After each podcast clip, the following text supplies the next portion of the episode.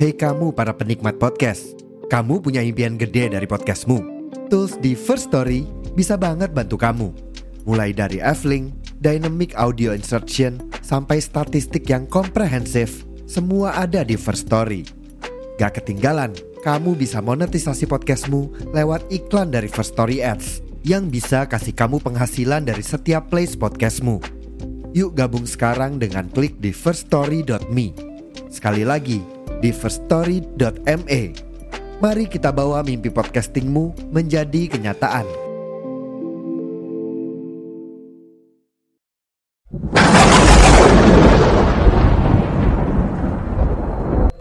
Yu pro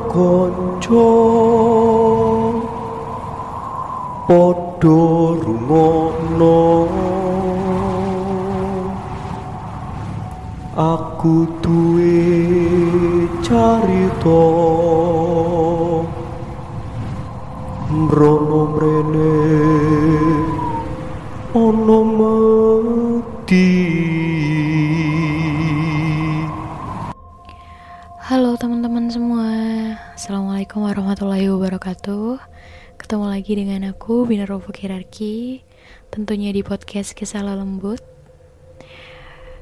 Eh, Udah lama ya aku gak bersua di podcast Kisah Lembut Gimana nih kabar kalian hari ini? Semoga selalu dalam keadaan baik Selalu dalam keadaan sehat Selalu ada dalam lindungannya Dan bahagia selalu untuk kalian semua.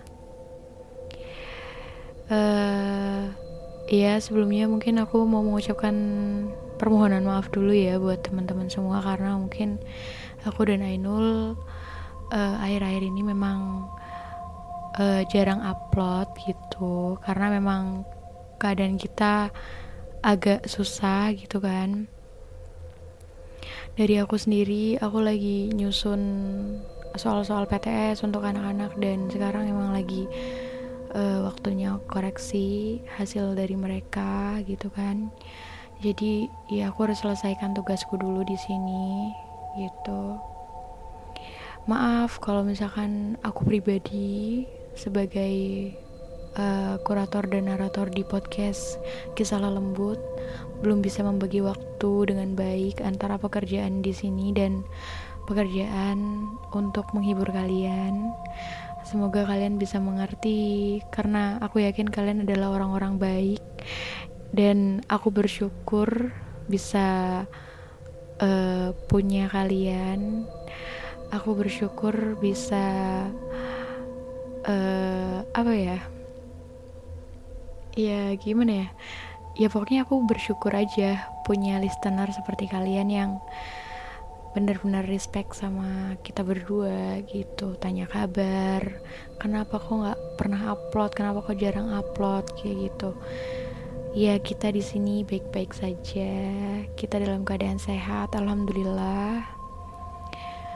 Eh, cuman memang kondisi yang belum memungkinkan untuk aku upload gitu. Karena memang aku dan Ainul sama-sama sibuk dan aku juga pernah menjelaskan kalau misalkan eh, tim kita itu memang cuma dua aku dan Ainul gitu. Jadi eh, sekali lagi aku pribadi mohon maaf dan aku mewakili Ainul juga aku mohon maaf buat teman-teman semua. Terima kasih karena kalian sudah mau sabar sudah setia nunggu cerita terbaru dari podcast kisah lembut. Seperti itu Eh, kemudian eh, aku juga mau minta maaf kalau misalkan ada sedikit noise dari aku pribadi karena memang eh, aku biasanya rekaman tengah malam gitu.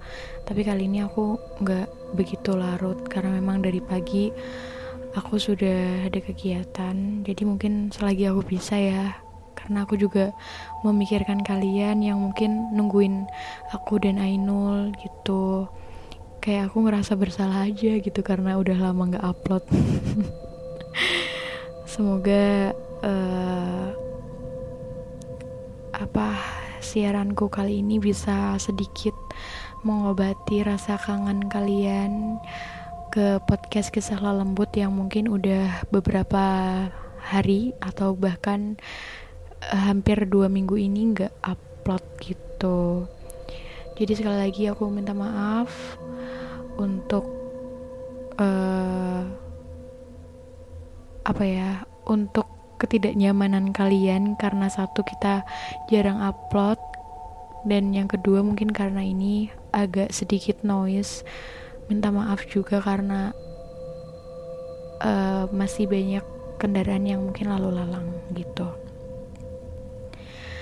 nah oke okay, mungkin kita langsung aja uh, sebelumnya aku mau mengucapkan terima kasih buat teman-teman semua yang uh, sudah setia nunggu cerita dari kita sudah sabar, sudah selalu support kita. Terima kasih. Terima kasih juga untuk teman-teman yang uh, sudah mengirimkan ceritanya. Aku pribadi mohon uh, untuk kalian semua yang sudah mengirimkan cerita untuk bersabar. Insya Allah kita akan bacakan cerita kalian gitu. Kalian aku yakin kalian itu orang-orang baik dan orang-orang yang super sabar gitu kan udah aja di melo nih kan kita mau bahas hal-hal yang horror gitu kan ya oke okay, mungkin kita uh, langsung masuk ke ceritanya aja ya. Kali ini aku bakal bacain cerita dari Eka gitu. Terima kasih buat Eka yang sudah mengirimkan ceritanya. Dan maaf aku uh, baru sempat bacain kali ini. Oke kita langsung masuk aja ke ceritanya. Namaku Eka. Aku seorang mahasiswi dan entah sejak kapan aku itu latah. Itu yang aku ingat sejak SMA aku sudah dikenal oleh teman-temanku. Aku orang yang latah. Dan karena itu juga aku dijahili mereka gitu. Karena aku sering latah aku sering dijahili sama teman-temanku. Nah tapi aku hanya latah ketika aku kaget saja nah permasalahannya aku juga gampang banget nih kaget gitu biasanya aku kalau kaget itu bakal mengatakan kata-kata yang tidak pantas atau kata-kata kasar ketika latah.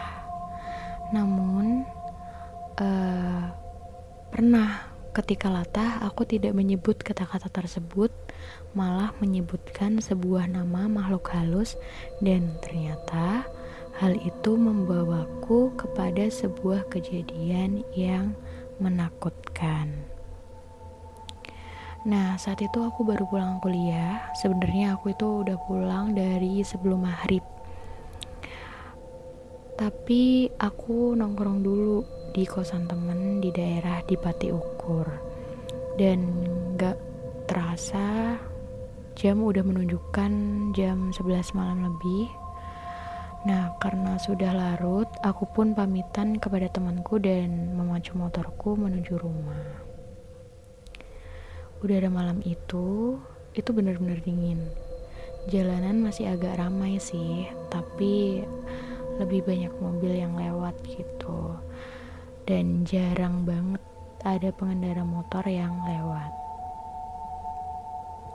Karena terlalu fokus dengan dinginnya malam aku jadi lupa nih kalau misalkan kemarin aku belum sempat ngisi bensin motorku dan aku baru teringat gitu kalau misalkan di depan tuh udah nggak ada SPBU lagi yang buka akhirnya aku putar balik dan aku menuju ke SPBU yang buka 24 jam yang sudah aku lewati tadi gitu.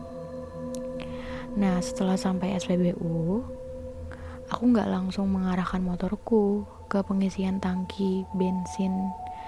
Tapi aku mengandikan motorku di pinggir dan pergi ke toilet. Karena memang aku waktu itu udah kebelet banget gitu kan. Nah, udara dingin membuatku ingin buang air kecil. Suasana SPBU saat itu juga sepi dan sunyi. Hanya ada sebuah mobil sedan yang sedang mengisi bensin. Dan ada dua karyawan yang berjaga. Itu pun hanya dua orang. Yang satu sedang mengisi mobil dan yang satu sedang duduk santai di kursi. Kemudian aku menanyakan kepada salah satu pegawai, di mana tempat toilet gitu. Nah, setelah menanyakan arah toilet, aku pun berjalan dengan cepat karena sudah kebelet. Ternyata toiletnya berada paling belakang bangunan SPBU itu. Dan sebelah kanan dari toilet itu adalah kebun kosong yang cukup luas. Aku berjalan ke arah pintu toilet, namun tiba-tiba eh pocong, eh pocong, eh pocong, latahku. Ternyata sebelum aku membuka pintu toilet, pintu toilet itu tuh udah kebuka duluan. Ternyata ada ibu-ibu yang uh, baru saja dari toilet itu gitu. Dan pada waktu itu emang aku bener-bener kaget gitu iya pocong iya pocong eh eh aku masih kaget dan latah jantungku mau copot rasanya dan entah kenapa secara refleks aku menyebutkan kata pocong Nah, melihat aku latah seperti itu, ibu-ibu yang tadi melihat aku, dia ketawa dan dia sambil jalan pergi gitu. Sial nih, gue diketawain, kesalku dalam hati. Akhirnya aku masuk ke dalam toilet. Ya, aku agak takut juga sih sendirian di toilet umum dan tengah malam pula. Mana salah satu lampu toilet ini mati, tapi ya mau gimana lagi. Aku pun secepat mungkin menyelesaikan ritualku. Ketika selesai, aku berniat mencuci tangan di wastafel Nah, saat berjalan keluar dari toilet, aku merasakan bau yang aneh. Iya, aku mencium seperti bau daun pandan. Aku kira itu bau sebuah sabun di wastafel. Tapi setelah aku periksa, itu nggak ada sabun apa pun di wastafel itu. Namun, tiba-tiba di cermin mataku menangkap pantulan sosok putih yang sedang berdiri di pojok toilet. Jantungku seperti mau copot. Aku langsung membuang pandanganku. Namun, rasa penasaranku timbul dan membuatku ingin memastikan sosok putih apa yang kulihat tadi. Aku pun dengan bodohnya melihat ke belakang dan astaga, ada sosok pocong di belakangku. Mukanya hitam, legam.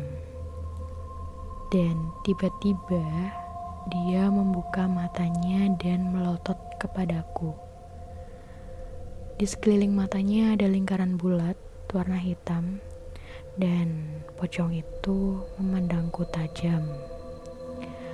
Iya, pocong itu berjalan melayang mendekatiku dan aku langsung berlari kabur.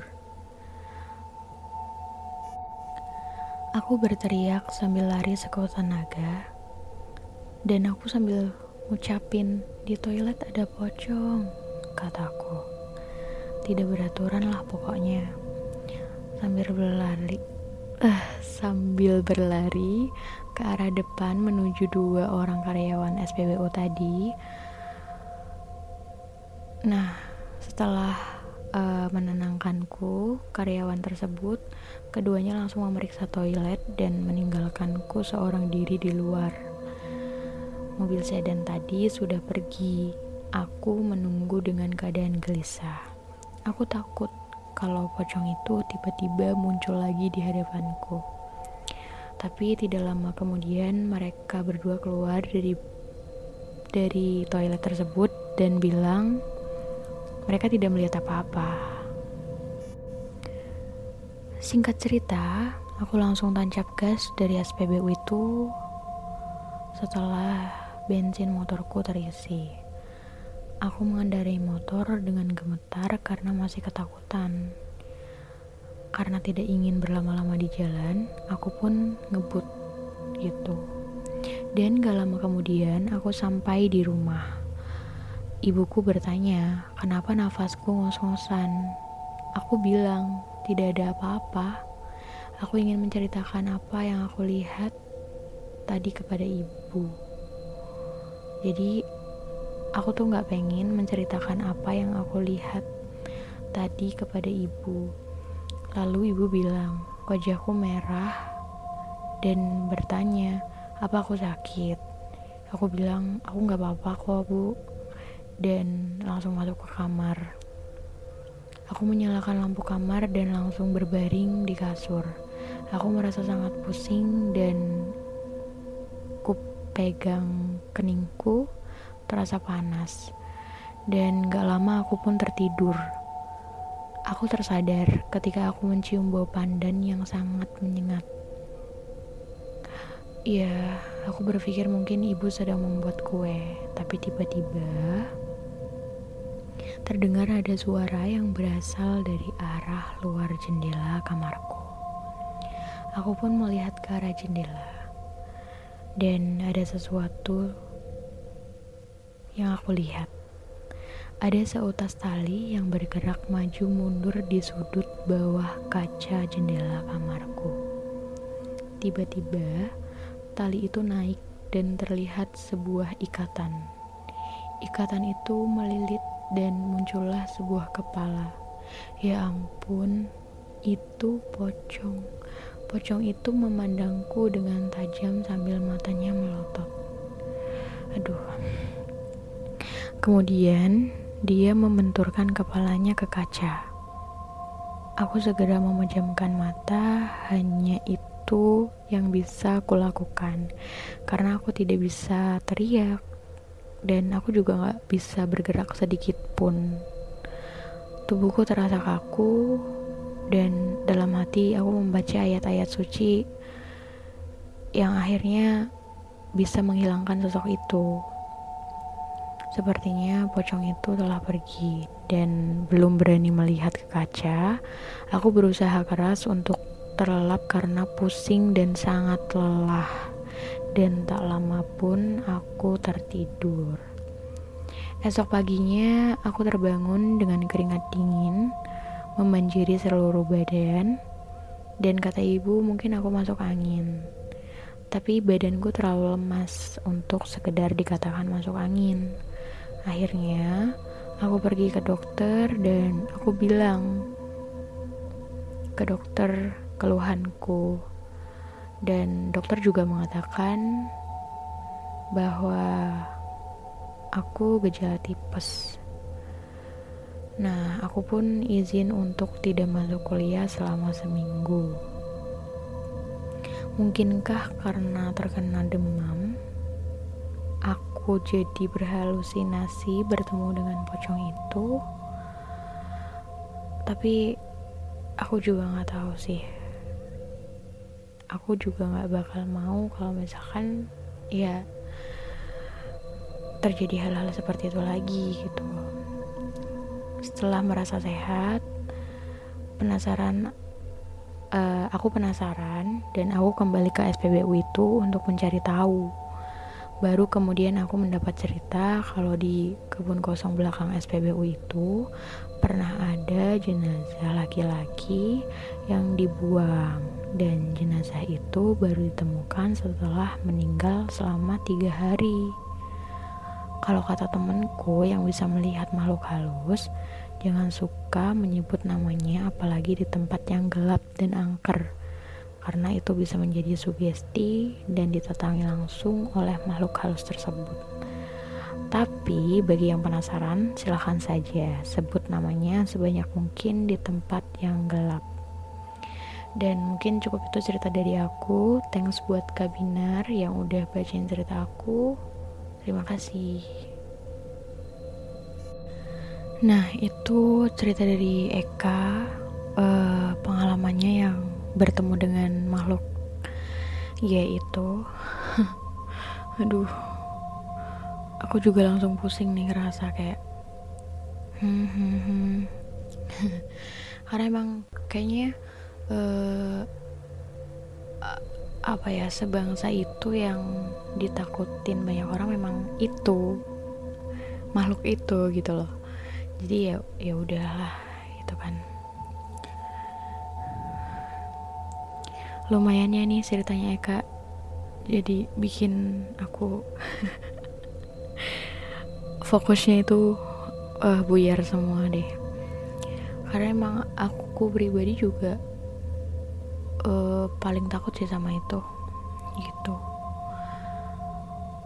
Ya tapi ya memang kita eh, nggak bisa mengelak ya. Maksudnya emang kita kan ya hidup berdampingan sama mereka. Jadi memang kita juga harus percaya dengan keberadaan mereka gitu. Selagi kita nggak ganggu mereka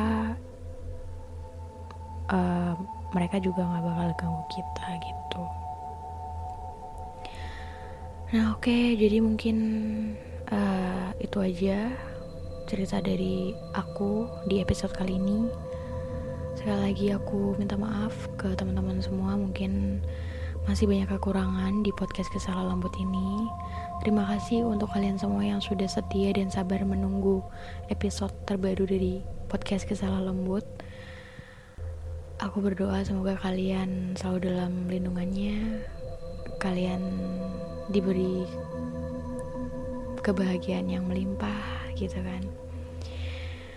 Dan oke mungkin eh, cukup sekian di episode kali ini ya. Eh, terima kasih sudah mendengarkan. Dan sampai jumpa